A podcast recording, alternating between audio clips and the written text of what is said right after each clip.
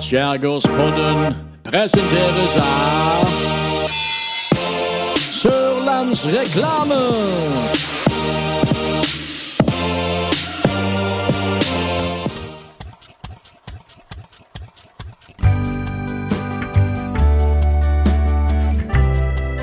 Skjærgårdspodden med Thomsen og Loland. Du, er det trekkspill i den introen? Det er trekkspill. Ja. Er det du som spiller? Det er som med alt, alt du bruker. Hvis du bruker det riktig, så, Ja. kan, så kan det bli flott. Ja, det Ja. kan det. Men bruker du det feil, så kan det bli så grusomt galt. Det spørs om ikke vår kjære Linsnes trekkspillklubb egentlig burde booke en time med det. Ja, Hvor de stiller det åpne spørsmålet. Kan du være så grei, Jon Erik Loland, å få oss til å bruke disse, dette mirakelskapet et instrument riktig? Ta et lite kurs. ja. Why Ja. not? Du lurer sikkert på hva jeg har gjort i det siste. Det, Det kan var- jeg fortelle. Jeg har vært Ja. på nok en reise. Ja. Ja da. Det, denne høsten her har jo vært prega av veldig med reising, altså. Du har vært på noen Jeg har vært på nok en reise. Denne gangen i jobbembetet. Men jeg har vært i Tigerstaden, Oslo.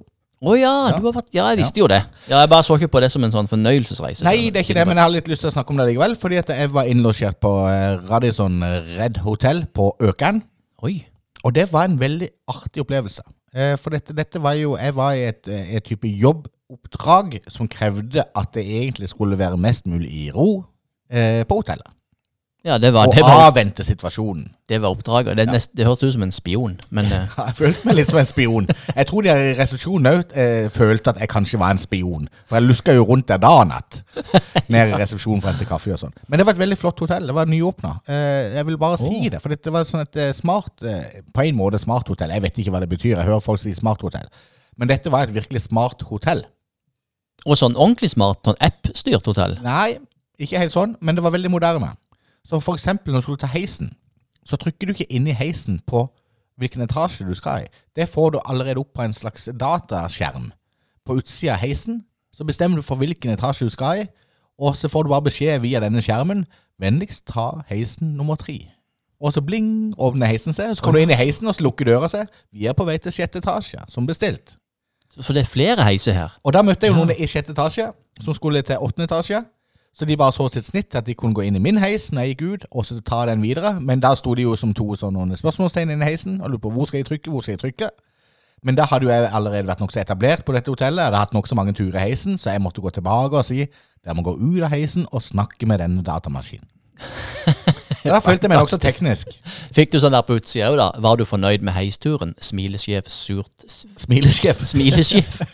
Smil Smilefjes. Ja. Ja. Nei, jeg gjorde ikke det. Eh, Men jeg har lyst til å sende dem en mail, og det har jeg tenkt å gjøre. Eh, Om at jeg er veldig fornøyd eh, med oppholdet. Det var veldig fint. Og så var det Når du skal være mye på hotellet sånn, Normalt sett, så ok, du skal til storbyen, så trenger ikke hotellrommet være så bra. Du er så mye ute og finner på aktiviteter likevel. Men jeg gikk jo til nærmest eh, takeaway-pizzasjappe. Eh, bestilte pizza, og tilbake til hotellet for å se på NRK2, for eksempel. Det så jeg jo nokså mye på under dette oppholdet. Men der var jo fasilitetene veldig bra. For det var en veldig smart TV òg de hadde. Oh. Så jeg kunne gå inn på YouTube, for eksempel, rett på TV-en, ja. og se på disse her eh, Byvandringene. byvandringene. Det skulle jeg jo gjerne ha gjort, men jeg ser jo på sånn av, Jeg er veldig sånn eh, hissig på sånn av, amerikanske avhør av seriemordere og sånn. Er ja. ja. ja. Så det var eh, et hyggelig todøgns opphold på Radisson Red på Økern. Ja, det var bra at hotellet var godt. eh, for Ja, du, og så må jeg bare si det om de to, to resepsjonistene.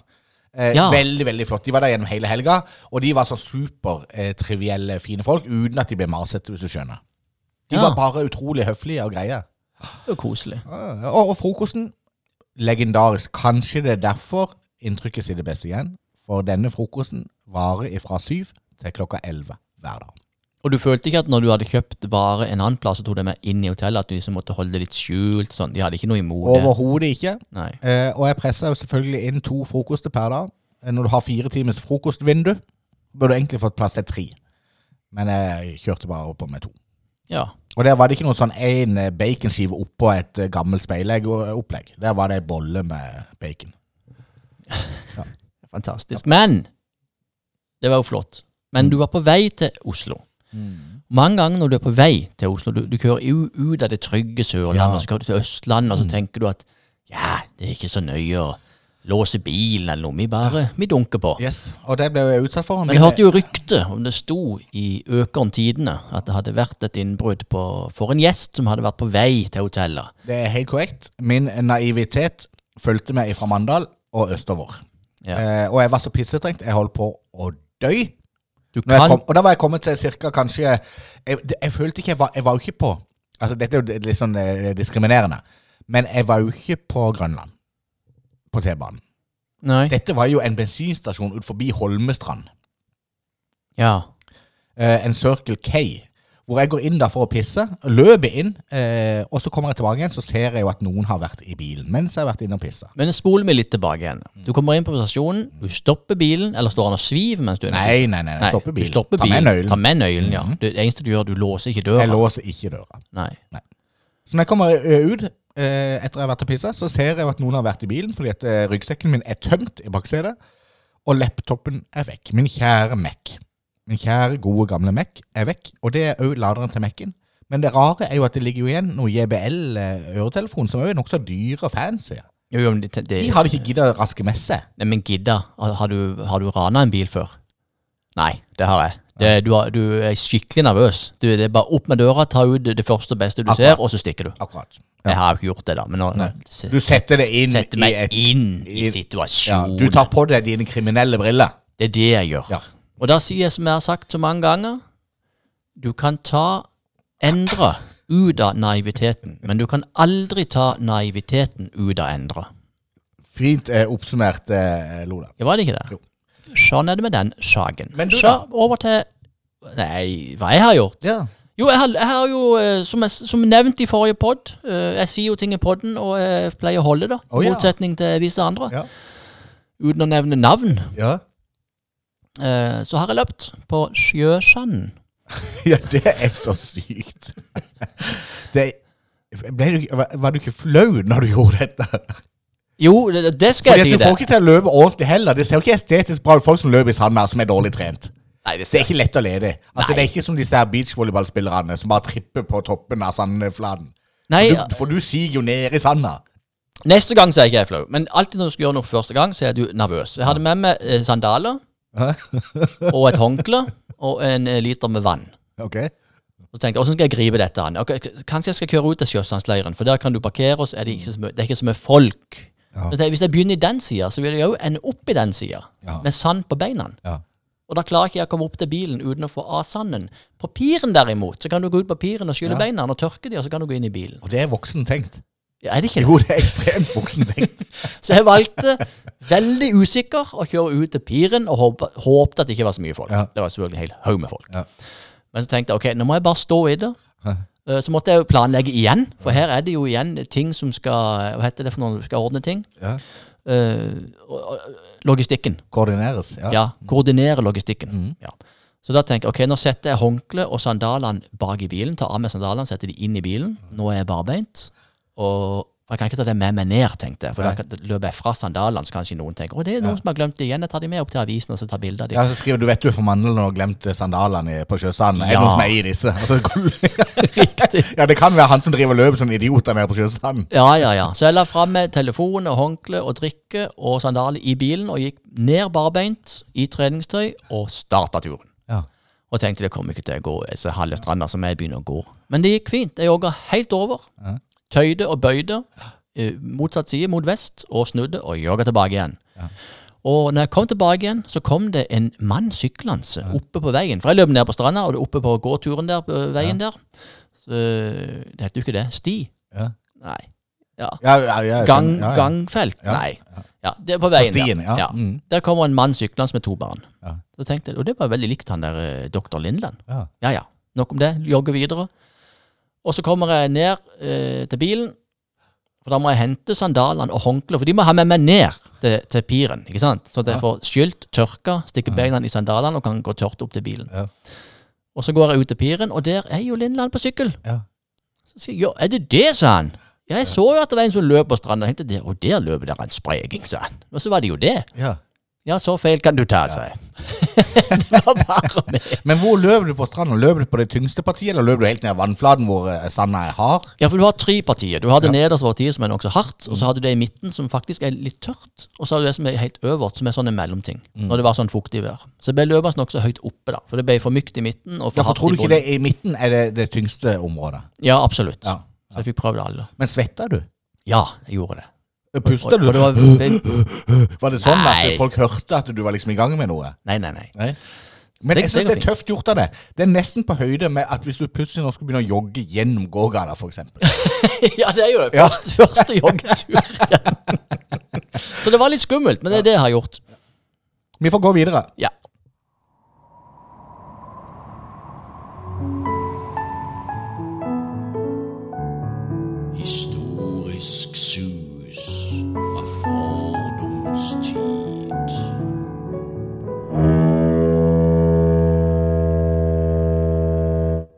I likhet med det, Loland, så skal jeg òg holde det som vi lover i podkasten vår.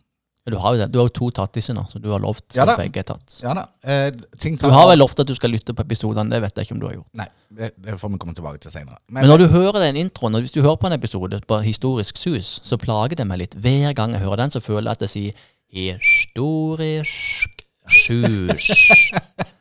Så tenker jeg, jeg, Men jeg klarer ikke å få noe mindre ja. eh, Nok om det. Nå Ja. skal vi snakke om eh, noe vi snakka om forrige gang. Ja, og det er så deilig at du plukker opp den. For nå kom jeg på at du sa jo at det der dynamittbåten Ja. Ja! Det er akkurat det vi skal snakke om. Applaud. Ja. Eh, og det er ikke bare vår skyld at vi skal snakke om det. Det er flere lyttere som har sendt liksom tilbakemelding eh, til meg. Eh, Det bør jeg kanskje legge meg flat etter hvert. Eh, fordi at det er jo relativt eh, opptatt av hva som har foregått i Mandal, og historiske opplevelser og sånn. Jeg kan jo ingenting om akkurat det. Den eh, situasjonen som utspilte seg. Den dramatiske situasjonen som utspilte seg en januarkveld. Ja, men jeg, Til din 1993. unnskyldning så vil jeg si at det tror jeg er fordi at han er litt for ny og litt for gammel. Ja, midt mellom imellom der. Ja, for du, er var, du var så ung, så du var ikke så opptatt av det. Og så er han såpass ny at du setter deg mer inn i gammel historie enn ny historie. Der har du nok helt rett. Takk eh, for at du tar meg litt til forsvar. Ja, bare hyggelig. Men vi skal tilbake til 9. januar i 1993. Og vi skal selvfølgelig snakke om dynamitt. Det er faktisk en digresjon, da, men i 1993 da døde jo han Frank Zappa. Gjorde han det? Ja. Ja, akkurat. Og Sørlandsreklame starta faktisk sin e-bedrift i 1993. Ja, det gjorde de, for de har 30-årsjubileum til neste år. Ja, Så Frank Zappa la inn årene, og Sørlandsreklame valgte å trekke ut årene og sette i gang. Det er Ja. kult, for de var jo sponsor i dag òg, Ja. når jeg først kom på det. Ja. Sponsor til denne episoden er Sørlandsreklame. Er det det, ja? Ja. Men skal vi ta lage en egen spalte når vi er i gang? Historisk årstall med Jon Erik Loland. ja! Hvordan Nei, det var ikke meningen. det der, der eh, eh, serien som gikk på NRK, liksom, eh, datoen det, det, det er et sykt konsept. Det er helt sykt konsept. For de samler mennesker som er født på samme dag. Og så klarer de ut ifra det å lage det til en sånn en folkekjær greie hvor du skal bli kjent med én kjendis, én ukjendis, bare en helt normalt menneske. Og så liksom er det den nydelige koblinga der. Mm, det er helt utrolig. For de har det til felles at de er født på den samme datoen. Jeg ser ikke for meg at det hadde blitt like koselig hvis vi lagde en versjon i Mandal. Nei, det er ikke sikkert. Da måtte vi ha hatt tak i noen ordentlig. Det måtte vært noen som var samme bursdagssamler som Knut Lindseth, f.eks. Da kunne det blitt hyggelig. Ja. Men OK, nok om det. Vi skal til MS Stavfjord. ja, det var vi som avbrøt. Vi er i 1993. Vi er 9. januar 1993, og da seiler det forbi en eh, svær båt. Altså en virkelig svær båt, og på den tida det eneste dynamittbåten i hele Norge. Som går under navnet MS Stavfjord. Den kommer ut for svært grov sjø når den passerer her på vår sydligste spiss. Eh, og den eh, kommer i trøbbel eh, og eh, får slagside, fordi at det var nemlig 500 tonn last om bord på denne båten.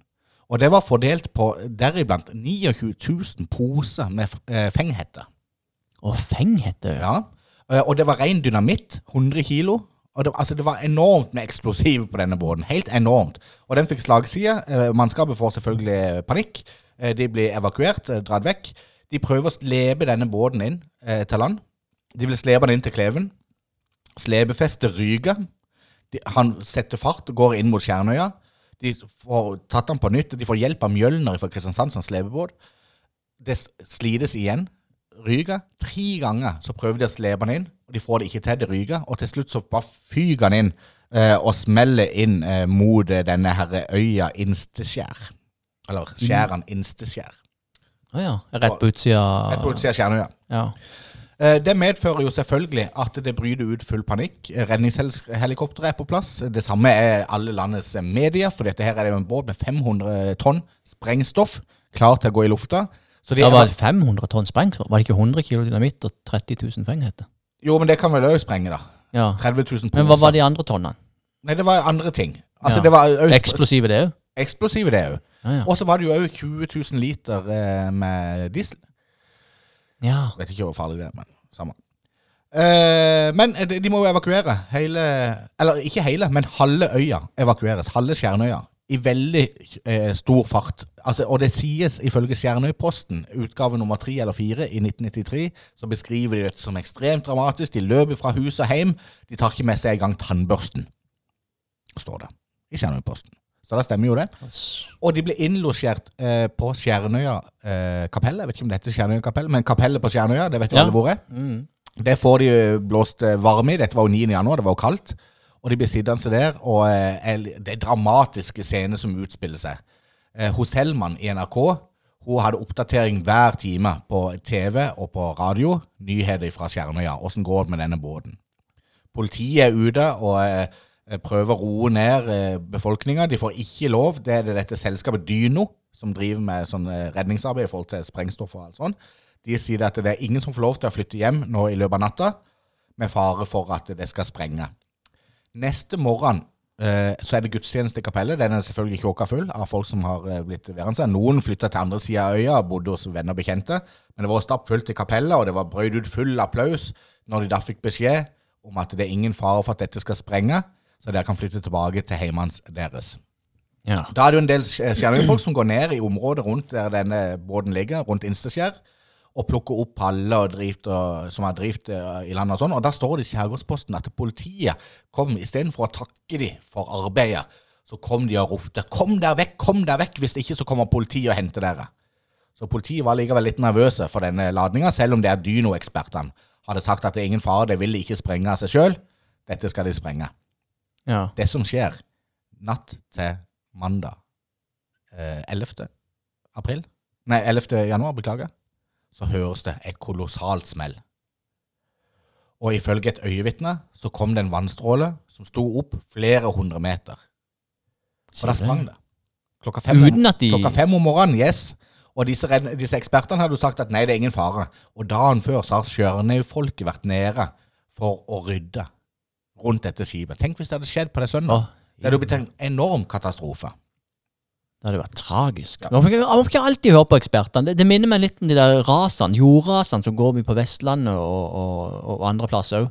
Ja. Ekspertene har sagt at det er ingen fare, bilene kan bare kjøre, og så går det en måned, og så, Ja. så raser hele veien ut. Altså, Man må være forsiktig med det der, altså. Det var jo fire arbeidere om bord på MS Stavfjord. Eh, Det gikk greit med alle involverte. Det gikk greit med Stjernøy-folket, og det gikk greit med husene der ute. Alt gikk eh, veldig greit. Men det er jo klart, det, er redd- tenk på det redningsarbeidet. Når Redningsselskapet eh, skøyte, Ægir, den var eh, veldig med. Mjølner, denne, eh, denne greiene, denne slepebåten fra Kristiansand. Og redningshelikopter med i den. Og når det, den sliter seg i grov sjø, og du ser bare at MS Stafjord med 500 tonn eksplosive seiler i full fart inn mot Skjær. Og da beskrives det i Stjernøy-posten at eh, nei, det helikopteret stakk til sjøs. Ægir Ja. den ene veien. Mjølner gjemte seg bak skjærene. Ikke sant? Tenk for en dramatikk de har stått i Da. For det er klart, du, du er, du er nokså sårbar da. Hvis det, velg, det skipet velger å eksplodere, og du har en sånn slepeline på 20 meter.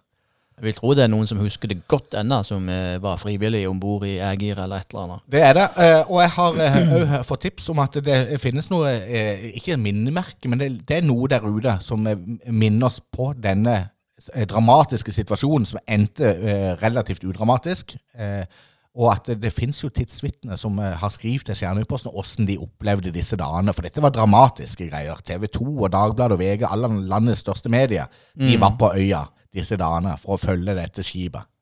Hvor store blir ringvirkningene hvis det eksploderer? Har du hørt noe fra Einar? Eh, Dykker-Einar. Dykker-Einar Danielsen, Nei, har, har de vært nede og dykka på det? Jeg har ikke hørt ifra han, men kan være, du kan være helt sikker på at vi får en tilbakemelding eh, når den Til og med kanskje Nils Reidar- dykker òg. Kanskje han òg dykka ned til det. Absolutt. Absolutt. ku- ku- 93, mange Ja. 93, 2000. Det er 30, 29 år siden. Det er lenge siden, da. Da var de aktive, disse gudene. Ja. Oh, oh, oh. Du var ti år, Endre, da det skjedde. Jeg var ti år. Jeg var 20. Men det får være nok med Men det var gøy med litt i krydder og litt kjøtt på beinene, for jeg husker det jo, som jeg nevnte forrige gang. Ja. Eh, Fordi jeg var 20 og fulgte nok saken. Men eh, det var veldig gøy å få detaljene rundt det hele. Ja. Du var nettopp kommet hjem fra militærtjeneste i militærpolitiet, mens jeg sto i skolegården på Im barneskole og triksa, og via ikke en tanke til det som skjedde på Skjernøya 9. januar i 1993.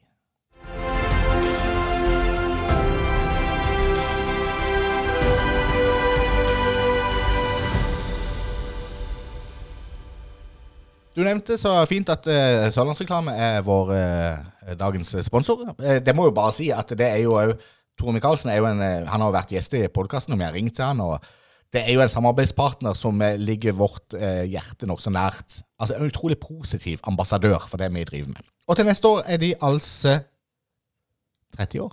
30 år. Ja. Mm. Det er nokså fenomenalt. Tore Micaelsen har vært der i 27 av de, forsto jeg. Ja, så her, her, når det skjer dette her, så må vi snakke med Petter, Mm. som er eier og daglig leder. Ja. Eh, Åssen han begynte med dette. Jeg tror det er en veldig gøy historie. Ja, ja det, Eh, det skal vi følge opp. Ja, for det, det, jeg har hørt den historien en gang. Ja. Eh, jeg tror han fortalte det sjøl, men det er mange år siden, så jeg husker ikke detaljene. Så jeg gidder ikke blupse opp med noe. Men det, det er veldig artig, for på den tida så var det ikke vanlig å bare trykke ting på kulepenner og ransle og paraply og sånn. Iallfall ikke her. I vår lille by. Det var nok ikke det. Her skrev vi annonsene sjøl, Ja. ja, med kulepenn. Uh, ja. Uh, du, jeg har en uh, annen ting på hjertet. Eh, Jeg har flyttet. Jeg har flytta. Du har jo Jeg, jeg har flytta flytta! i overgangsbolig. Jeg var jo og, og, og plukket deg opp i dag ja, i, i skilsmisseleiren. Ja, Eller, eller nei, nei, nei, Sjøsandsleiren. Ja. jeg, ja, det, for, på folkemunne i Mandal så er jo disse hyttene ved Sjøsandsleiren De har alltid vært skilsmisseleiren Ja. på vinteren. Når ikke dere er Og det er veldig bra. Men du er ikke finnes- skilt?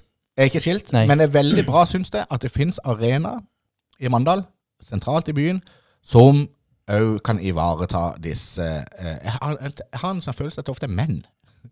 ja, det, det, det er mannen i forholdet som må ut der en periode. jeg tror I 99 av 100 tilfeller så er det mannen som må ut. Og det tror jeg de ønsker òg, for det er nemlig veldig fint. Det er som å være på ferie i egen by. Ja, Det er helt nydelig. Og du, du får sjøllufta, og du har Hobdeheia rett eh, bak ryggen på deg sjøl. Altså, det er helt Du er midt i furulunden, på en måte. Helt supert. Og derfor har jeg lyst til å invitere deg ut en dag. Ikke på middag, ikke på kaffe, ikke sånn sosialgreier, men eh, som eh, en kollega. Ja. Og at vi tar en runde i mitt, eh, i mitt eh, nye hjem, på en måte. Som Sjøsandsleiren der er blitt. Eh, og da kan du eh, søke seg vekk ifra at vi møter på Egil og Dagny, som jeg har hatt kontakt med i det siste. ja. Eh, De holder seg der ute ennå, og jeg har, jeg har ikke sett dem ennå. Jeg har bare vært der noen få dager. Men jeg har hørt at de fremdeles er der ute. Så der må vi ta et kollegialt besøk. For vi har jo kommet fram til det at vi, Kollegialt besøk, det er jo et ord som du har jobba inn. Nei, det kom rett, rett ut av frontlappen i panna, rett og slett. Jeg tror det eller ei. Ja. Ja. Vi, er vi har kommet fram til at vi er kollegaer. Vi begynner, kommer nok aldri til å bli særlig gode venner. Jo, det tror jeg Så det, faktisk. vi prøvde jo det i begynnelsen, men Ja. det gikk jo ikke noe særlig bra. Nei, sant, Så så vi må rygge litt, vi må bygge et litt sterkere fundament, føler jeg. Ja. Før vi kan kalle oss for, for venner. ja, ja. Jeg syns ikke du det. Er du ikke enig? Jo da, det er greit, det. Eh, Det er veldig fint, det. Men du, nå står det faktisk en på utsida og venter på oss. Jeg har sett han har stått og speida inn eh, mellom eh, eh, eh, Heter det lamellene? Flamella? Persiennene? Ja, men hva er det andre ordet for det? Er det ikke lamella? Har du ikke hørt det? Lameller? Ja, Eller flamella, eller eh, Noen vet hva jeg snakker om. Du skjønner ikke hva jeg snakker om. Nei, jeg aner ikke hva du snakker om. Men vi skal ha ukens gjest. Japp. Ja da, ja da, ja da. Jeg syns jo at hvis du har sånn en skjærgårdspod, så kan du jo invitere gjester. Noen som har utmerka seg eller noe. Ja, det syns i hvert fall jeg, så.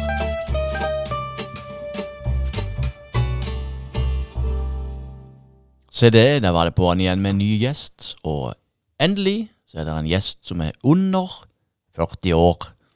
Og det setter vi pris på, at ungdommen kan komme. Ja, det har blitt litt sånn eh, gammelmann-dames-greier, dette her. Men vi har jo hatt eh, Fossestøl uten eh, sammenligning for øvrig. Husker hun? Ja, som lenker seg fast. men det går, hun som lenker seg fast, vet du. Men det går litt for langt mellom de, så vi må bare være på. Ja, Nå er jo du blitt over 40, så eh, det blir jo vanskeligere og vanskeligere. det gjør det. Husker du navnet til han vi skal introdusere? da? Husker du alle tre? Ja, det skal jeg klare. Ja.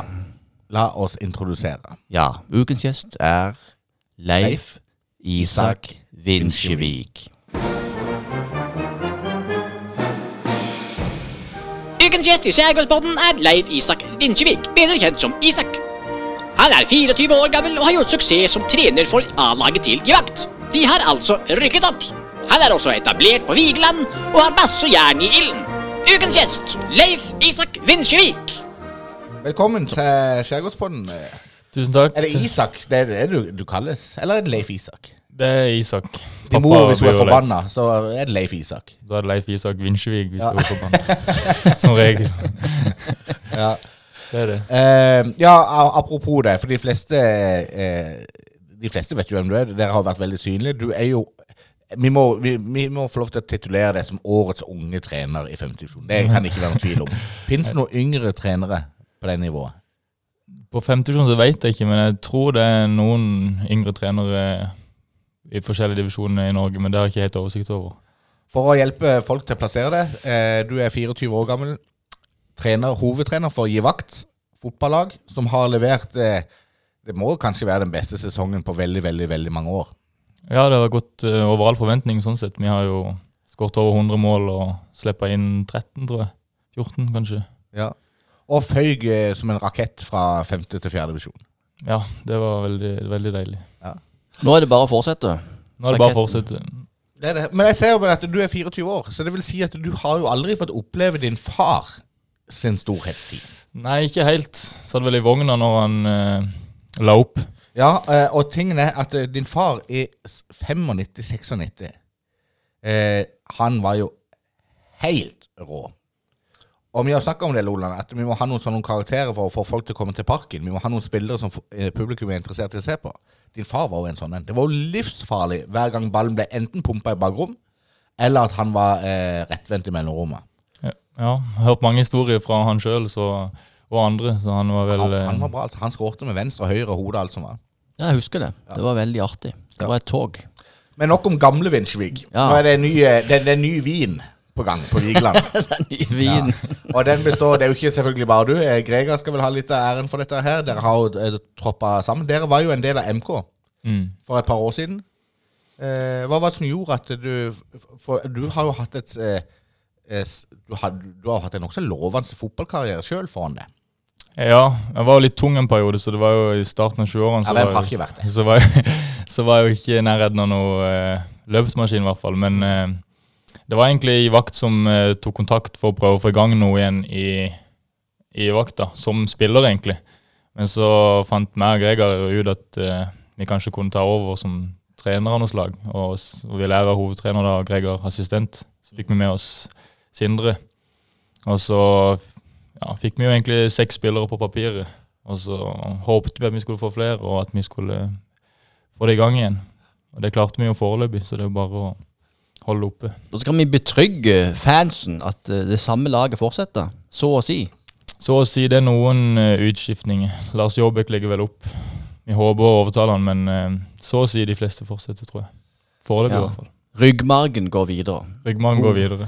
Og Det er jo litt spennende, for dette, jeg har fulgt med dette eh, i vakt i mange mange år, i 20, 25 og 30 år. Eh, og det er jo, for I vakt har vært der oppe før, eh, og så- de har vært oppe i tredje divisjon, faktisk. Men så har det en tendens til å gå litt sånn i bølgedaler. Plutselig så eh, For man er helt avhengig av disse her dere typene, så ildsjelene, mer eller mindre, som står på gjennom hele året og holder tak i det. Hva, skal, hva må til nå liksom, for å holde seg i fjerdedivisjon?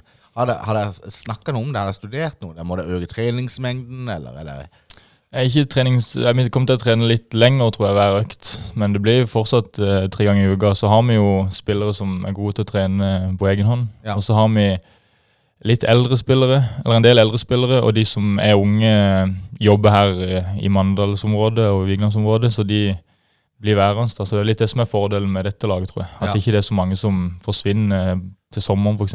Nei, for det er jo en sånn en typisk greie her, her på Sørlandet, eller her på helt sør på Sørlandet. At folk drar for å studere til høsten, og så drar de, noen drar i militæret, og så mister man plutselig halve laget. Ja, det er det man gjør. Det er bare på Austevoll det er verre. Der er det jo helt krise hvert år. Fordi at de har jo ti, Veldig ofte så har de et av Norges beste juniorlag på vårsesongen.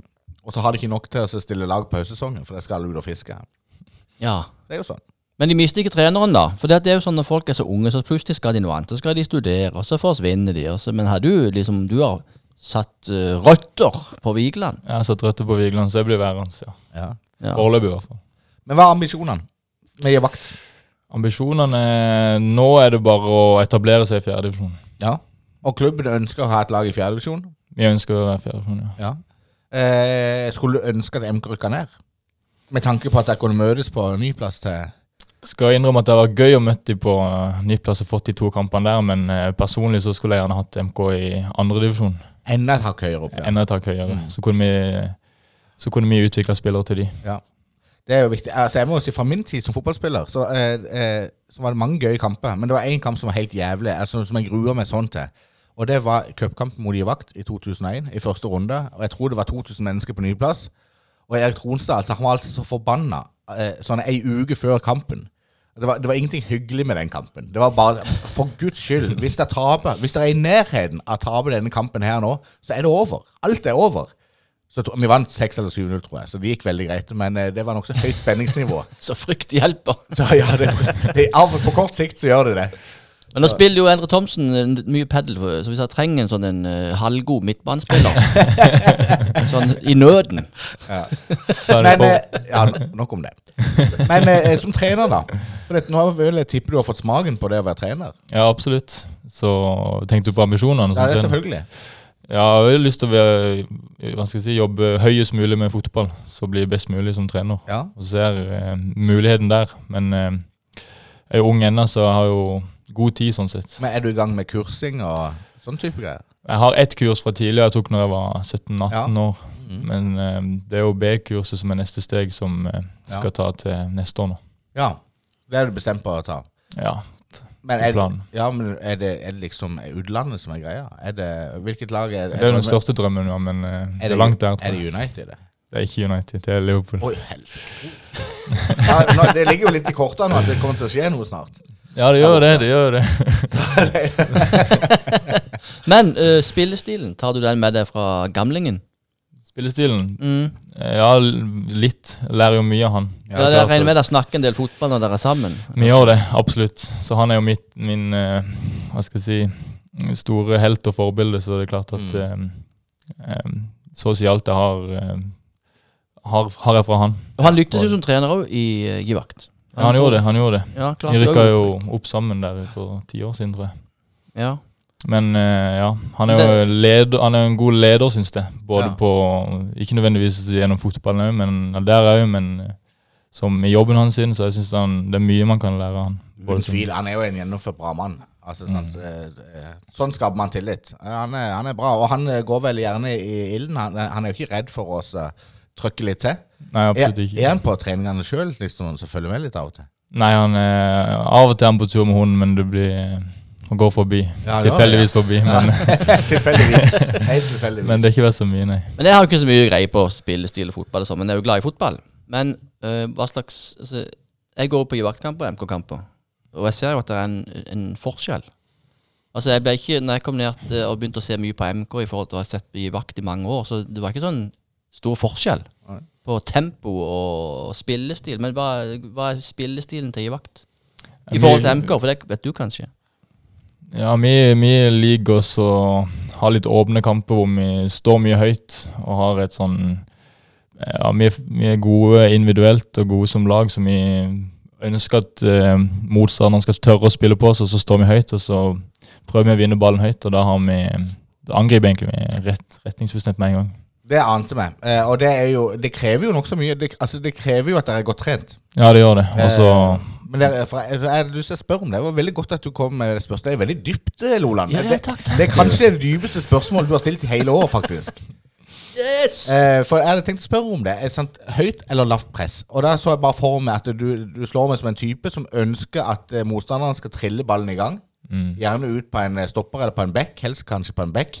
Og så gå rett i strupa på dem. Ja. Men det krever jo vanvittig mye løping. Ja, det gjør det. Så vi, har, eh, vi står veldig høyt med bekkene våre, og så har vi jo Hvis de klarer å spille av det presset, så er vi jo veldig mm, hva skal jeg si, én mot én bak der, egentlig, da. Yes. Til stopperne. Men der er jo du. Der er Ja, så det er jo ikke det farlig. Ja, det er løst. Jo, men det er jo eh, litt sånn, dette blir litt sånn detaljert, da. Men eh, det er jo en veldig kul måte å spille på i forhold til spillerutvikling. Ja, det er det. Fordi at det er så vanvittig mye én-til-én-ferdigheter du skal trene på. Presspill ikke sant, og alt dette her. Duellspill. Ja, Eh, at du blir fort avslørt hvis ikke du gjør en god jobb. ja man gjør det. Men det er nokså tungt å spille sånn hvis man er i dårlig form. Mm. Men det funker jo. Tenk at du ligger så høyt, og så har du 113 i målforskjell. Ja, ja, ja. Men det er jo Det eh, blir verre til neste år, tror jeg, så vi må nok eh, Det ligge litt lavere da innimellom. Fjerdedivisjon de er bedre til å behandle ball òg. For det er Ja. klart at det har litt med motstanderne å gjøre. Hvor Mm. flinke er de til å spille seg ut bakenfra? Vi har møtt de, når vi har møtt de beste lagene i femtesjon, så har vi måttet justert presset vårt litt. Ja. Som har gjort at vi er litt eh, hva skal jeg si, safere da, Ja, ja, ja. bakover. Men eh, jeg liker å stå litt høyt, eller så er det blitt litt populært å stå sånn mellomhøyt òg. At man inviterer litt til, til spill midt på banen, egentlig. Mm. Så det ønsker vi. Men når ikke du står og trener i vakt, øh, hva gjør du da? Hva jobber du med? Da er vikar på Fjordlund skole. ja det er Som, bra. som gymlærer. Eller Ja, sløyd. Litt, litt gymlærer, faktisk. Litt forskjellig rolle. Mye forskjellig rolle. Ja. Har de, har de sløyd ennå? De har sløyd ennå, ja. Ja, ja. Du, jeg må bare sånn, Nå skal jo ikke dette handle om meg, eh, men eh, jeg jobber på Vassmyra. Og så av og til måtte jeg ta noen sånn vikartime. Eh, eller det vil si, jeg, jeg er sammen også villig til å ta de vikartimene. Og så var det eh, blant annet sløyd. Og jeg, jeg kan, det kan jeg ingenting med. Jeg kan absolutt ingenting med det. Ikke heller. Eh, og, men så hadde jeg en sånn tanke om at du må bare late som. For hvis du bare later Ja. som du kan sånn, så kommer du unna. Jeg hadde jo tysk. Undervist i tysk. Jeg ante jo ikke hva jeg holdt på med. Men hvis du bare legger, legger på litt sånn fra ordene, så tror elevene at du kan tysk. Men sånn er det jo ikke i sløyd. Du blir veldig fort avslørt. Så jeg hadde vært en gang, og elevene var nokså mindre fornøyde med det. Og så kom jeg neste gang, og så akkurat jeg kom inn i klasserommet, så hørte jeg bare sånne sukk gjennom hele klassen. Å nei, Å nei. Oh, nei. For da fikk de ikke lov til å bruke noen maskiner. Det eneste de kunne gjøre, det var pusse eller tegne. I to timer i strekk. Jeg tok ikke ansvar for en eneste maskin. Men er det ikke rart du som er i skolesystemet, at, ikke, at for, for på et eller annet tidspunkt så må kanskje sløyd gå ut, og så må kanskje økonomi komme inn? Ja, kanskje. kanskje. Det burde kanskje det. Men trives du på, i skolevesenet? Ja, jeg gjør det. jeg gjør det. Kan det være veien å gå sånn studiemessig? Er det det som er Jeg er egentlig barnehagelærer eh, opprinnelig. Ja. Mm. Så jeg har jo muligheten til å jobbe med barn, i hvert fall. Og så er jo, du har jo en leder der ute som jeg tipper er nokså pro i vakt. Signe Roland. Ja, hun er pro i vakt, ja. Rektoren på uh, Vigeland. Det er jo mm. Vigelands eh, jente. Hun er det Ja. Så det blir litt fotballprat der òg. Og, og, Mm. og Queen jeg jobber ikke hun òg på Fjordlund? Det er jo òg liksom Ja. Vigelands eh, Ja, Ja, heier på oss, hun. Ja, ja, så bra. Jeg tror det er mange som heier på dere, og vi gleder oss veldig til neste sesong. Ja. Og uten å røpe for mye, så har vi jo allerede nå bestemt at vi skal følge eh, i vakt, og selvfølgelig MKM, men begge lagene veldig tett. eh, I både tredje og fjerde divisjon. Det kan bli en gøy sesong for eh, lokalfotballen. Mm. Det vil jeg absolutt tro.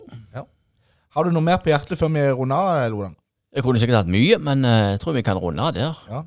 Det kan jo hende du kommer tilbake igjen, når det koker nesten sesong. Ja, det koker. Vi har tapt uh, ti på rad. Ja, da står vi klar på sidelinja med mikrofonen. Når dere har tapt ti på rad, det skjer ikke. Men går tusen ikke. takk for at du kom, Leif Isak Vindsvik, og så lykke til med sesongen eh, som kommer. Og tusen takk for at jeg ble invitert.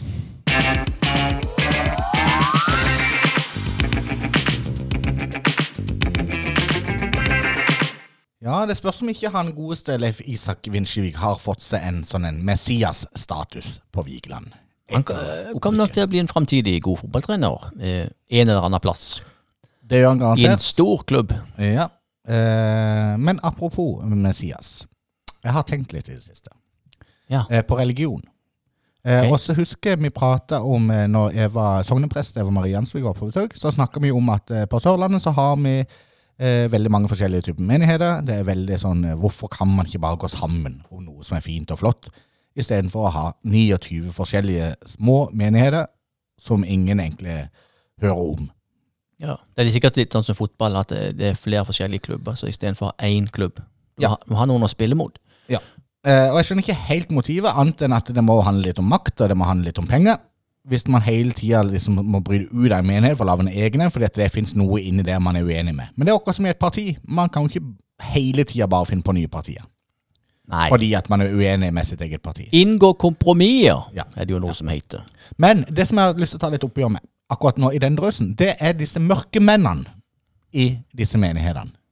Disse her som er veldig opptatt av synd Ja. hele tida. For det har jeg inntrykk av at det fremdeles er gjeldende. Og det som jeg syns er litt sånn eh, graverende, husker det uttrykket der, ja. det er at jeg syns det er mange unge folk som går inn i en litt sånn pietistisk eh, rolle, litt sånn konservativ rolle, og skal mene veldig hardt om f.eks. homofile i menigheten. Og det skjønner jeg ikke helt. Jeg skjønner ikke hvorfor det er så utrolig viktig hele tida å fokusere på det negative, og måten, altså det å så tro. For jeg er liksom tilbøyelig. Jeg tenker at en vakker dag så kan det godt være jeg begynner å tro. Men da må det jo være mitt, altså min personlige relasjon til religionen, eller til Gud, som har noe å bety. Ikke hva resten av menigheten syns om min tro. Men det syns jeg preger veldig eh, mye av debatten, og jeg syns det preger mye av eh, menighetene. At vi er veldig opptatt av hvordan man skal tro. I denne menigheten er det ikke plass for homofile eh, sånne klokkere, f.eks. Ja. Altså, det er veldig viktig. Så slo det meg. What would Jesus do? Og jeg vet jo at det er en litt sånn klisjé. Men se for deg dette her tankespillet her. Men at nå kommer Jesus på onsdag. Mandal. Han har satt av fire timer som han skal slå i hjel i tid, i Mandal sentrum. Hvor vil Jesus gå? Og jeg tror ikke han vil oppsøke en av disse menighetene og spise vafler med rømme og syltetøy og drikke rød saft og bruke den lille tida han har i Mandal der. Jeg tror han ville gått eh, til de mer sårbare søgansmiljøene. Det- Jeg tror han ville gått på sjøboden på morgenen og tatt en kaffe. Sammen med mange av de andre som drikker kaffe der, og som er litt sånn søkende, kanskje. Hva er meninga med livet? eksistens? Altså, og det tror jeg er et tegn, et signal til disse menighetene. De må komme der ut av deres egen sånn synderau. Ja, men snu det på hodet istedenfor å finne ut av alle de som ikke hører hjemme her, så heller finne alle som kan være her. Akkurat. Dyrke det, de men jeg vet, Jesus fikk jo mye kritikk Ja. i sin ungdom. For Han, ble jo, han var jo nesten ungdom hele livet. Han ble 33 år. Ja. Eh, og da, for han hang veldig mye sammen med, med, med, med tollere, prostituerte og andre sånne syndfulle grupper. da. Ja. For det var, var jo der han var og snakka Ja. og, og lytta Ja. og lærte. Akkurat. Ifølge boken. Ja, ja. Eh, Så det er jo min oppfordring òg til Han reiste ikke til klubben, som gjorde alt riktig, Nei, og sa akkurat. 'heia dere'. Nei, Nei. mens han døtta nedpå noe vaffel. Men jeg hadde nok besøkt en del menigheter og sagt at eh, 'veldig flott lokale dere har her', men Ja. eh, de må gå ut. Og treffe folk. Der hvor folk Treff folket der de er. Ja. Ja. Men det var jo gøy. Ja. Det var en gøy eh, apropos. Det var gøy apropos i forhold til at Leif Isak Vinsjevik er blitt Messias på Vigeland. Sant? Så nå er jo han òg sidestilt da med Jesus ifra Nasaret. ja. Så var det i orden. Men nå skal vi over til en eh, spalte som jeg vet ligger ditt hjerte veldig nært. Din favorittspalte, Nyhetsspalten. Ja.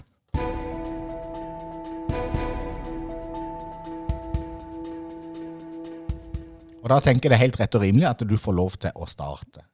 Velkommen til nyhetene. Det har vist seg i den senere tid at det har vært, at det har vært høstmesse på Vigeland. Høstmesse det er en stor auksjon og et slags loppemarked for folk. Kommer og kjøper ting som andre har gitt fra seg. Dødsbo og gave og alt mulig.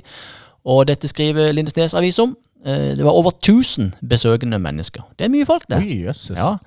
Og jeg skal ikke snakke så mye om det. De hadde mye fint, for det har gått to år med pandemi og ikke hatt oppe, så de hadde utrolig mye vakkert. Jeg fikk ikke tid til å være der sjøl, for jeg monterte kjøkken. Men det var ett bilde der, som vi har snakka om tidligere. Et bilde Ottar av? Ottar Helge Johansen. Ok. Så Tore Michaelsen var det antageligvis. Det vet jeg ikke, for jeg var der jo ikke. Men eh, dette var et trykk, og jeg kan jo si at jeg fulgte med på det. Og det gikk da for 4000 kroner. Bare for å sette, for alle som har et, et lite bilde, eh, klovnebilde eller hva, Outer Helge, med sånn, eh, dette er bilde nummer 9 av 24, Ja. eh, så gikk det for 4000. Ja. Greit å vite. Opplysende sak. Ja.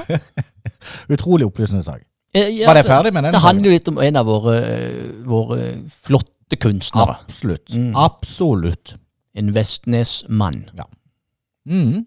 Av rang. Ja. Det, var, det var den ene saken. Så vil du, skal hive en over til det, da, før Ja, du kommer videre til gjerne. For jeg har flere. Gjerne det. Og tro det eller ei, vi skal vestover. Vi skal til Lyngdal. Lyngdal Avis 29. oktober kom med sånn nyhetsvarsel. Du vet det er blitt veldig populært på disse her nettsidene nå med den der blinkende nyhetsvarselen. Ja. Jeg tror det ble sånn et resultat av korona. 129 smittet. Én bekreftet død. Og så sto det og blinka, ikke sant? Den Ja, ja, ja. Og det har vi jo selvfølgelig Det har Lyndal Avis hivd seg på. De har fått den eh, Blinkeren. De har fått blinkeren opp på sida si. Og der eh, står det da eh, en sak 29. oktober om en eh, eh, kriminell, en kriminalsak. Men en opp... Det er det, det er det som jeg stusser meg litt over. For det er en, eh, det er en løst sak som de har valgt å legge opp. Å ja, så han burde egentlig ha blinka grønt. Ja, Løst. Ja, egentlig. Ja, Og så er det liksom innholdet i selve saken. For jeg hadde skjønt hvis det blinka liksom nyhetsvarsel eh, eh, Jan Helge Andersen er tatt for begge drapene i Baneheia. Sånn, Så skjønner jeg at det har en veldig nyhetsverdi. Ja. Men denne som står og blinker da på Lyngdal Avis 29. oktober, fikk tilbake stjålet bålpanne. Åh. Det er siste nyhetsvarsel fra Lyngdal Avis, men de har valgt å legge inn med sånn enorm sånn en eh, nyhetsringe ringe som pumpes ut. En glad nyhet, rett og slett. Og da må man selvfølgelig inn og lese på saken og se om man kan komme til bunns i saken. Og da er det sånn at politiet kunne lørdag formiddag levere tilbake bålpanna, som tidligere samme formiddag var blitt stjålet. De hadde rett og slett ransaka en leilighet i Lyngdal sentrum, hvor de fant denne bålpanna, og da kunne de gå tilbake til butikken hvor han var stjålet ifra, og levere den. Ja. Eh, og eh, avslutningsvis så står det at eh, politiet etterforsker saken nærmere. Jeg vet ikke hvor, eh, altså hva mer det er å etterforske den saken, det, men eh, det kan jo være at den som bor i den leiligheten er innblanda i det tjuveriet av den bålpanna. ja men altså, her hører vi at folk eh, nesten blir tatt livet av, og du prøver å anmelde alvorlige ting. Og, og du Nei, saken er henlagt uh, av bevisets stilling. Politiet har ikke ressurser til dette. Men bålpanne, derimot, Den skal de etterforske da videre. rykker de ut. Ja, Etter de har funnet bålpanna og levert den tilbake igjen til butikken, Så skal det brukes ressurser på å etterforske. de må etterforske den videre. Uh, så, men det er en, en fin sak. Flott sak. Ja. Jeg har en bitte liten sak til fra Lyngdal. Ja. Eh, Fordi at det var jo sånn at eh, den 27.10. så eh, var det jo strømbrudd. Varsla strømbrudd sådan. Fra Agder Energi. Nett. Energinett, eller hva det heter for noe. Men der, der kom det en tilbakemelding fra vår kjære fiskehavn Korshamn. Ja. Som var utsatt for strømbrudd hele tre ganger i løpet av én natt. Og da er det jo en øyboer som har meldt fra om dette til Lyngdal Avis, at det er vel tredje gangen de feil retter på. Jeg vet ikke om det er sånn fiffig måte å skrive på. Det står iallfall i avisen her. Det er vel tredje gangen de feil retter på. Det høres ut som et gammelt eventyr. Asbjørnsen og Moe. Det er vel tredje gangen de feil retter på.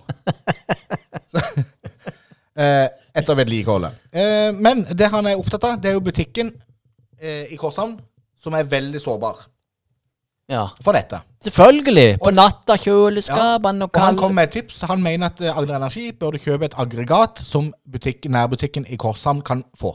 Som de kan sette i gang med varsla strømbrudd. Og jeg er helt enig, for Agder Energi sier at jo, jo, men vi tar bare strømmen om natta når færrest mulig bruker den. Men det hjelper jo ikke for disse svære, kolossale frysediskene på nærbutikken på Korshavn. Nei, som er avhengig studd opp med fersk fisk. Nei, frossen fisk. Ja, Så min eh, shoutout går hermed til Eivind Aarvik ute på eh, Korshavn. Du har helt rett. Vi støtter Skjærgården kultursenter. Støtter 100% i kampen om et aggregat. Og hvis ikke de får det fra Agder Energi, så skal vi sørge for at det blir oppretta en eller annen form for innsamlingsaksjon for det. Fikk jeg lov til, så det var greit. Nydelig. Ja. Så var det med. Uh, nå skal jeg si noe gøy, for nå skal jeg ta en sak fra min kjære eh, avis. eh, N247, eller N247, Søgne, Sogndalen. som jeg har fått en krass tilbakemelding på. At du kan jo ikke si, når en avis heter N247 N247. Altså, de er alltid Ja, på. det er 24/7. Og ja, Og vi kaller det for N247. ja, eller N247. N247. Har du fått tilbakemelding på det? Ja, Ah ja. det var en som jeg pratet med, jeg husker ikke hvem det var, men han sa Altså, jeg kan ikke si N247! Altså, De irriterer meg hver gang. Ja. 24-7 heter det. Ja. Eh, Men, men jeg, så, da håpte jeg at de hadde en sak, og det hadde de. Eh, For nå har det vært visning på den nye E39. Oi. Med Nils Bernt Rinde i spissen? Antagelig. Ja. En vei som skal åpnes om ganske få dager, hvor du kan kjøre så mye du vil på den de neste 100 år. Men nå har de hatt visning. Og jeg syns det er en veldig spesiell interesse. å gå på visning på en På vei. vei, ja. Og så vet du hvor mange som kom? Nei. Står i 247. 1000 mennesker stilte opp på visning av ny E39. Men, var det, 1000 mennesker! men åssen er det man på vis, blir man stilt opp på en, på en asfalt, og så Ja, det var bilder de med i rundkjøring der. En hel hurv med mennesker. Ja. Jeg trodde det skulle være konsert. Ja. Så da Det var like mange mennesker der som det var på den Tix-konserten på Sørlandssenteret. Ja, hva skal du si, da? Foran 1000 mennesker. Ja, folkens, øh, hvis dere ser i den retninga, så er det ny E39 mot vest. Hvis dere snur der rundt nå og ser denne veien, så er det mot øst. Ja. Så takk for at dere kom. Nå kan dere vennligst gå inn i bussene som vi har leid, og så blir dere kjørt tilbake til fastlandet. Til det gamle til landet. Men jeg gleder meg som en unge til den veien skal åpne. Det blir kjempegøy. Ja, det var veldig bra. Ja. Jeg har ikke noe mer. Nei, men det var flotte nyheter. Jeg synes det.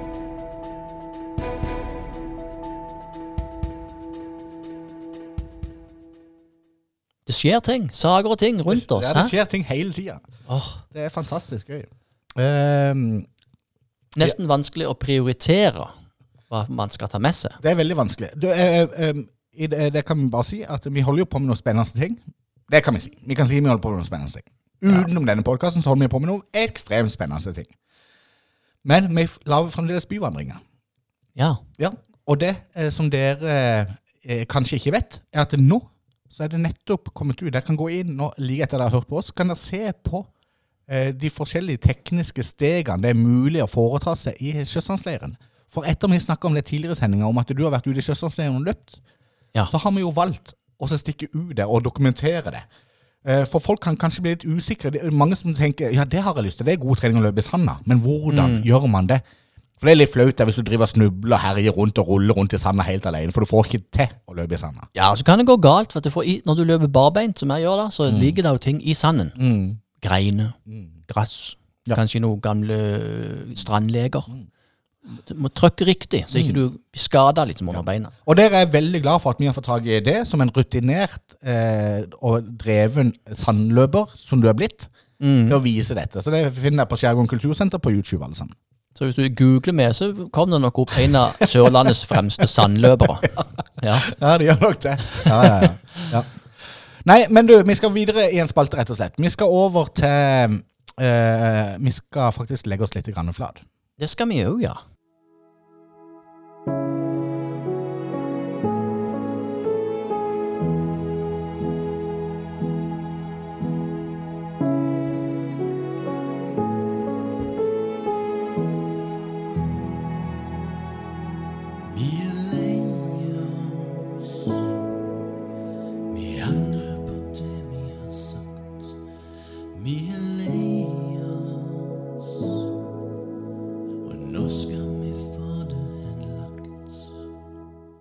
Hadde vært veldig gøy hvis noen kom ut forbi kontoret vårt og så inn på oss mens den introen går. For vi sitter, det er jo sånn alternativ dans eh, på gang. Veldig så emosjonell eh, Librodans, Librodans, ja. Men han er veldig vakker, den introen. altså. Og den står egentlig i sterk kontrast til det du skal legge deg flat for, vet jeg. Ja, det For gjør det jo. denne tror jeg faktisk er er unntaket som bekrefter regelen. Denne er akseptert Ja. av folket, men vi har en som ikke er akseptert av folket. Vi får en del tilbakemelding på Sinnaspalten, hvor folk ennå får eh, sånn støkking. ja. Ja, vi, høy puls, vi snakker om introen til Ja. spaltene her. og det er Sinnaspalten. Og det volumet Altså, du har jo styrt den nydelig, for det har ikke vært noe negativt, for du pleier å ha den litt lavt, så ikke folk støkker. Men når du var i rådet, så skulle jeg styre dette, da hadde jeg den altfor høyt. Da gønner du bare på. Ja, og det igjen, når folk har på seg sånn der eh, headset, Ja. sånn som de jogger med, løper med eller jobber med, og alt sånn, eh, så, så blir det for voldsomt. Ja, og jeg tenker jo på folk som kjører over Varoddbrua. Eh, For jeg sammenligner jo denne eh, innledninga til den spalten med den reven som var på eh, Asbjørnsen tobakk. Oh, ja. Eventyrfabrikken. Husker du den? Ja, ja, ja. Den svære reven. Som måtte, de- måtte ta ned pga. Statens vegvesen. Mente at det var trafikkfarlig å ha den der, fordi at folk bare drev og kikka på den når de skulle kjøre over broa. Oh. Og da har jeg sett for meg at folk kommer midt på Varoddbrua, og så kommer Sinnasspalten.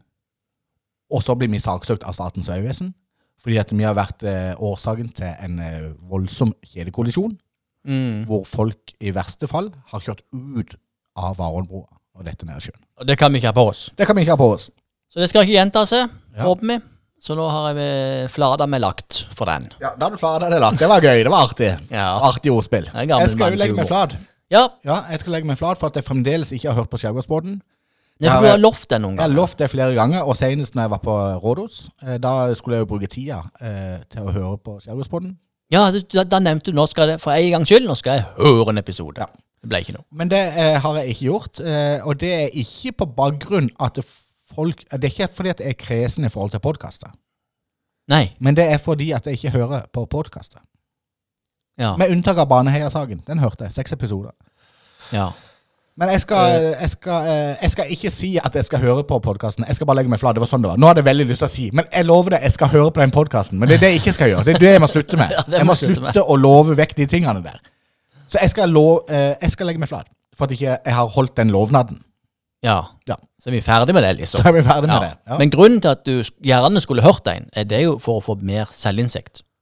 Er det det? Ja, det er for at du skal Er det det som er motivet ditt? Når du hører deg sjøl sånn og sånn, og så skal du tenke at ja, nei, nei, sånn kan jeg ikke gjøre det. Nå er du veldig negativ. Nå fokuserer du på det negative. Istedenfor å si at eh, når du hører på deg sjøl, så kan du tenke du, dette var bra, det må du dyrke videre. Fortsett i den Ah. stilen. Okay. Og det er forskjellen på Ja. meg og deg, Lola, nå. For du er ute etter å finne feilene, ja, mens jeg ja. er ute etter å dyrke de gode tingene, og heller bare kvitte meg med feilene. Ja, men det er litt sånn som Gi mer plass til det positive. Jeg pleier å si vi er alle samme båt. Mm. Ja, altså, det er litt som med båten. Ja. Eh, jeg fokuserer på å få vekk ruen og, og sjøgresset som har festa Ja, og seg skjellene. under båten. Ja, heter det skjell? Ja, skjell. Ja. Men, så, jeg, men jeg kunne jo ha fokusert kun på at Kalesja var fin i år. ja. Men da blir det jo enda mer gress og ru. Så jeg må ned og fokusere på det negative for Akkurat. at det gode skal skinne som jeg luker vekk driten. ja. Ja. Ja. Og det må du òg. ja. Så når jeg sier til deg at 'Å, gud, for en fin kalasje du har fått', har du så bare sett underbåten? Riktig. Ja. Så du må liksom, for Du skal ikke høre på podden for å høre hvor flink du er. Du skal høre på podden for Og hvor jævlig dårlig du er. Nei, og så plukke ut de her få tingene som ikke fungerer. Ja, det er veldig bra. For fram til nå så har jo jeg måttet gjøre det. Jeg, jeg, jeg klipper jo bare vekk alt det. Ja. Men nå, ja, det er det du gjør. Men nå føler jeg vi har eh, på en fiffig og grei måte fått lagt oss flat. Ja. Og da tror jeg vi rett og slett skal kjøre eh, outroen. Ja. Denne òg kan vi spille høyt. Den, denne går jo litt i kontrast Ja, til kritikken. Den er smooth. Vi prøver å gønne på volumet litt. Bare hør her.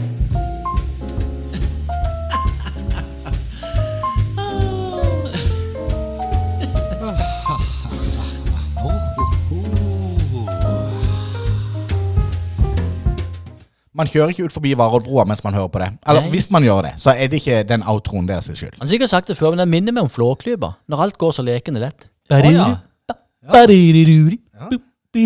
Og Solan Gundersen er i kjempehumør, liksom. Ja, kanskje, kanskje komponisten er inspirert av uh, Alf Prøysen eller Ivo Caprino, eller hvem det er som har lagd Flåklypa. Skal du ikke se vekk ifra. Alf Prøysen. Ja. det likte du. Ja. Du, jeg har en liten eh, nyhetssak. Eh, Nei, dette er ikke nyhetsspalten. Nei, nå ble jeg satt dette, ut. nei, dette er bare Jeg fikk et tips i går. Uh, det er ifra en faktisk stor kunstner. Kunstneren i Mandal, det vi snakka om før, de blir via lite plass. Én ting er disse oldtidens kunstnere, altså de gamle, de, de avdøde kunstnerne. At vi, vi vet ikke Men de nålevende, Ja. altså de får veldig lite spalteplass, syns jeg, i lokalbildet. Og deriblant Charlotte Kjomsland. Charlotte Kjomsland er en kritikerrost eh, kunstner, og hun har eh, akkurat as we speak eh, et, eh, eh, en utstilling på Tid. Altså stor T, stor I, stor D. Det er et galleri i Mandal som heter Tid. Ligger i Store Elvegade, nærmere med Bokstua. Jeg tar helt feil. Der har hun en utstilling som kommer til å gå fram til langt ute i november. Han starter 15. oktober. Jeg tror han går helt til slutten av november. Eh, hvor hun tar for Det er så antirasistisk budskap. Eh, hvor det er bilder, det er masse all slags. Vi har ikke vært der sjøl. Men jeg har sagt til Charlotte at det der på et eller annet tidspunkt så har vi og Loland veldig lyst til å komme innom for å se på den utstillinga. For vi har snakka tidligere om at det, det er så kult med de der nålevende kunstnerne. Som i det stille holder på med disse verkene sine og store greiene. Og hun er, hun er en stor kunstner. Men hun får nok ikke den kreden hun fortjener. Så jeg vil bare anbefale alle, og det er ikke bare mandalitter, men alle de som hører på, ta turen til Mandal. Stikk innom Tid Galleri og få med deg denne utstillinga til Charlotte Komsland. For jeg har nemlig hørt at den er steinbra. Ja. Det er absolutt på sin plass. Og hun eh, bor ikke i Mandal eh, sjøl, men hun har utstillinga i Mandal nå.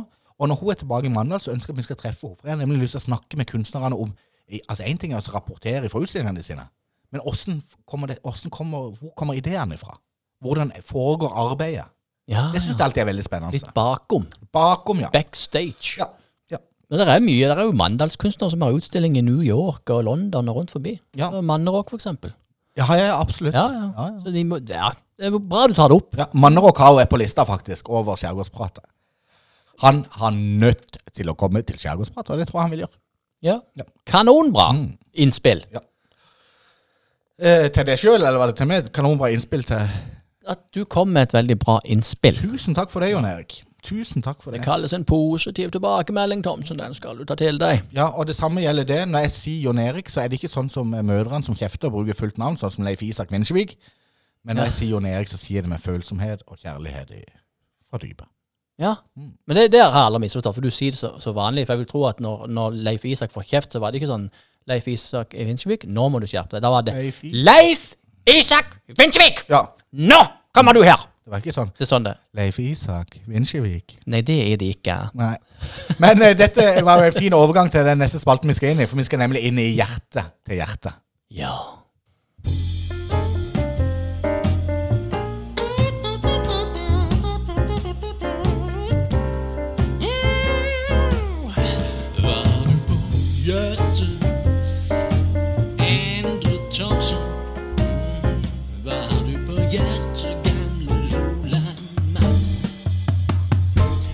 Jo, det skal jeg si det. Hva har jeg på hjertet? Jeg har en ting på hjertet, for nå har vi gått inn i en tid hvor det eh, Det har ikke blitt så veldig kaldt. men Det har blitt litt kaldt, og så har det regnet mye og vært litt sånn moistured. Litt sånn eh, fuktig. fuktig. Ja. Litt fuktig har det vært i den senere tid. Og da eh, blir man sittende mye inne. Så min hjertesak er at ikke gjør det. Ah. Gå ut. Ja. Kjenn på vinden. Kjenn på regnet. Mhm. Besøk et fyr. Bare gå en tur. Ok. Eller ta en, kan godt løpe. Trimme. Altså, jeg, jeg, min oppfattelse når jeg begynte å strandløpe ja, for det, jeg skulle til å spørre, har dette noe med den strandløpinga å gjøre? Selvfølgelig. Du har bare, sett lyset på en Bare etter første turen Ja. så, så ble jeg påminnet For jeg har jo, jeg har jo trent før, jo ikke, men det er lenge siden. Så ble jeg jo påminnet på hvor fantastisk det er å ta seg litt ut. Ja. Og kjenne kroppen er varm. Ja. Så kan strekke ut. Og hvilken god følelse det er. Altså Ikke la vær og vind og regn være en hindring. Nei. Eller klær. Altså Du kan godt gå ut og ta en joggetur i vanlig treningsøy. Bli gjennomblaut. Ja vel, kjenn på det. Jeg så just en episode av 71 grader nord der de går. Jeg skal ikke gå inn i han. Men og det er så fascinerende. De er ute, og det regner, de er gjennomblaute, og de legger seg inn i sovepose med blaute klær og inn i telt. Står i det. Og Ja, det- at du også å drite litt i eh, omgivelsene. Altså om det regner eller blåser eller Drit litt i alle unnskyldningene for å ikke ta den turen. Ja. Og så ikke bry deg så mye om hvordan dette ser ut. Så hvis du skal ut og løpe strandløp, f.eks., så ikke bry deg noe om at det ser helt for jævlig teit ut, og at du snørrer sånn som Ole Einar Bjørndal når han kommer over målstreken. Altså, bare drit i det.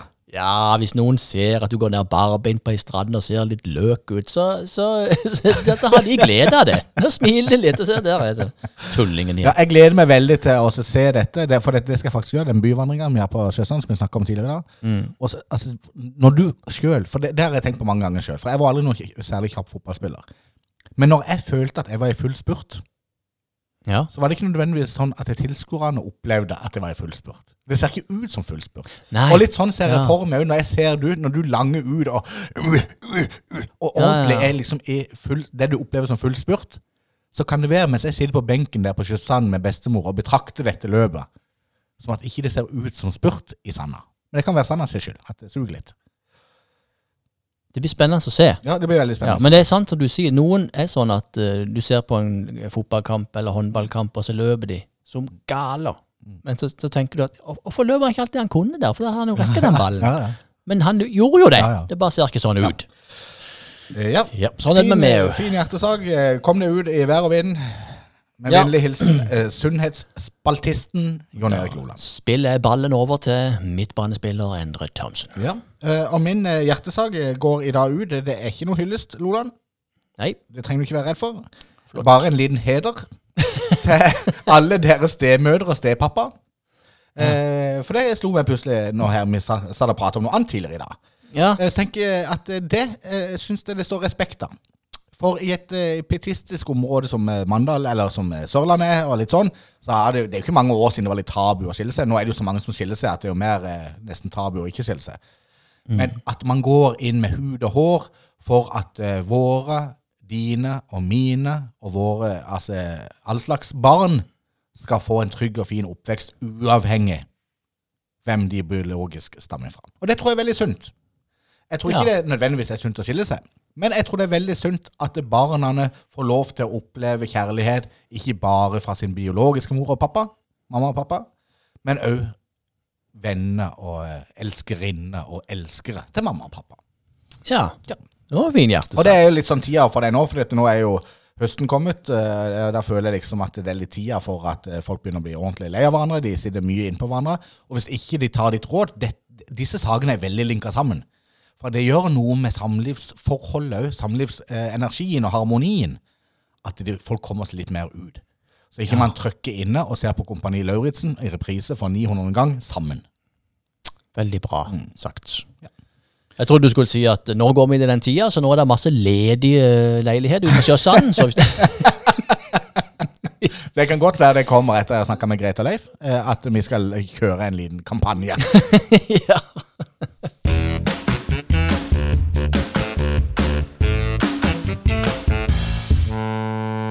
Jeg sier det igjen, jeg har sagt det 100 000 ganger før. Det er en sann ære og glede å få lov til å sitte her. Og jeg kjenner energien stige etter hvert som jeg får lov til å sitte og prate med det, Jon Erik Loland.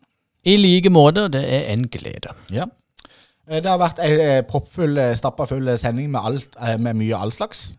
Jeg vil bare anbefale folk igjen. Nå, det- nå har vi faktisk noen skjærgårdsprater som ligger for tur. Så det kommer flere og flere bonusepisoder. Vi har jo hatt bonusepisode om Holland. Det fins ingen grense for hva vi kan ha bonusepisode om. Og der må dere lyttere bare sende inn pøs på med tips, og gjerne noe som ikke er så lokalt som det vi sitter i sjøl. Kanskje er det noe gavepakke. Det er det jo garantert. Borti Søgne, for eksempel. Ja, så er det sikkert mange som lytter nå, som kjenner noen som gjør noe eh, som de mener at de ikke får kred for. Ja. Og da kan vi løfte de fram. Ja, det har vi veldig lyst til. Og hvis du gir oss et tips, så er du med på å løfte fram dette mennesket. Det var en veldig god oppfordring, eh, Loland. Der traff du Spigeren på det berømte hodet. Ja, du gjorde det. Ja. Du traff hodet på spigeren. ja. Ja. Det er jeg fornøyd med. Du er ikke født bak en låvedør, du? Nei. det, disse ordspillene og ordtakene, det er artig. Denne outroen kan jo spilles høyt. Det må bare gjelde sinnaspalten. At volumet At du klønte det til da jeg var på rådhus. Skjærgårdsbåten skal nå lyve. Så jo da, ja vel. Ja, det var sånn det ble. Og Loland lurer på så mye. Og enda Thomsen viser vei. Så ja da, jo da, men allikevel.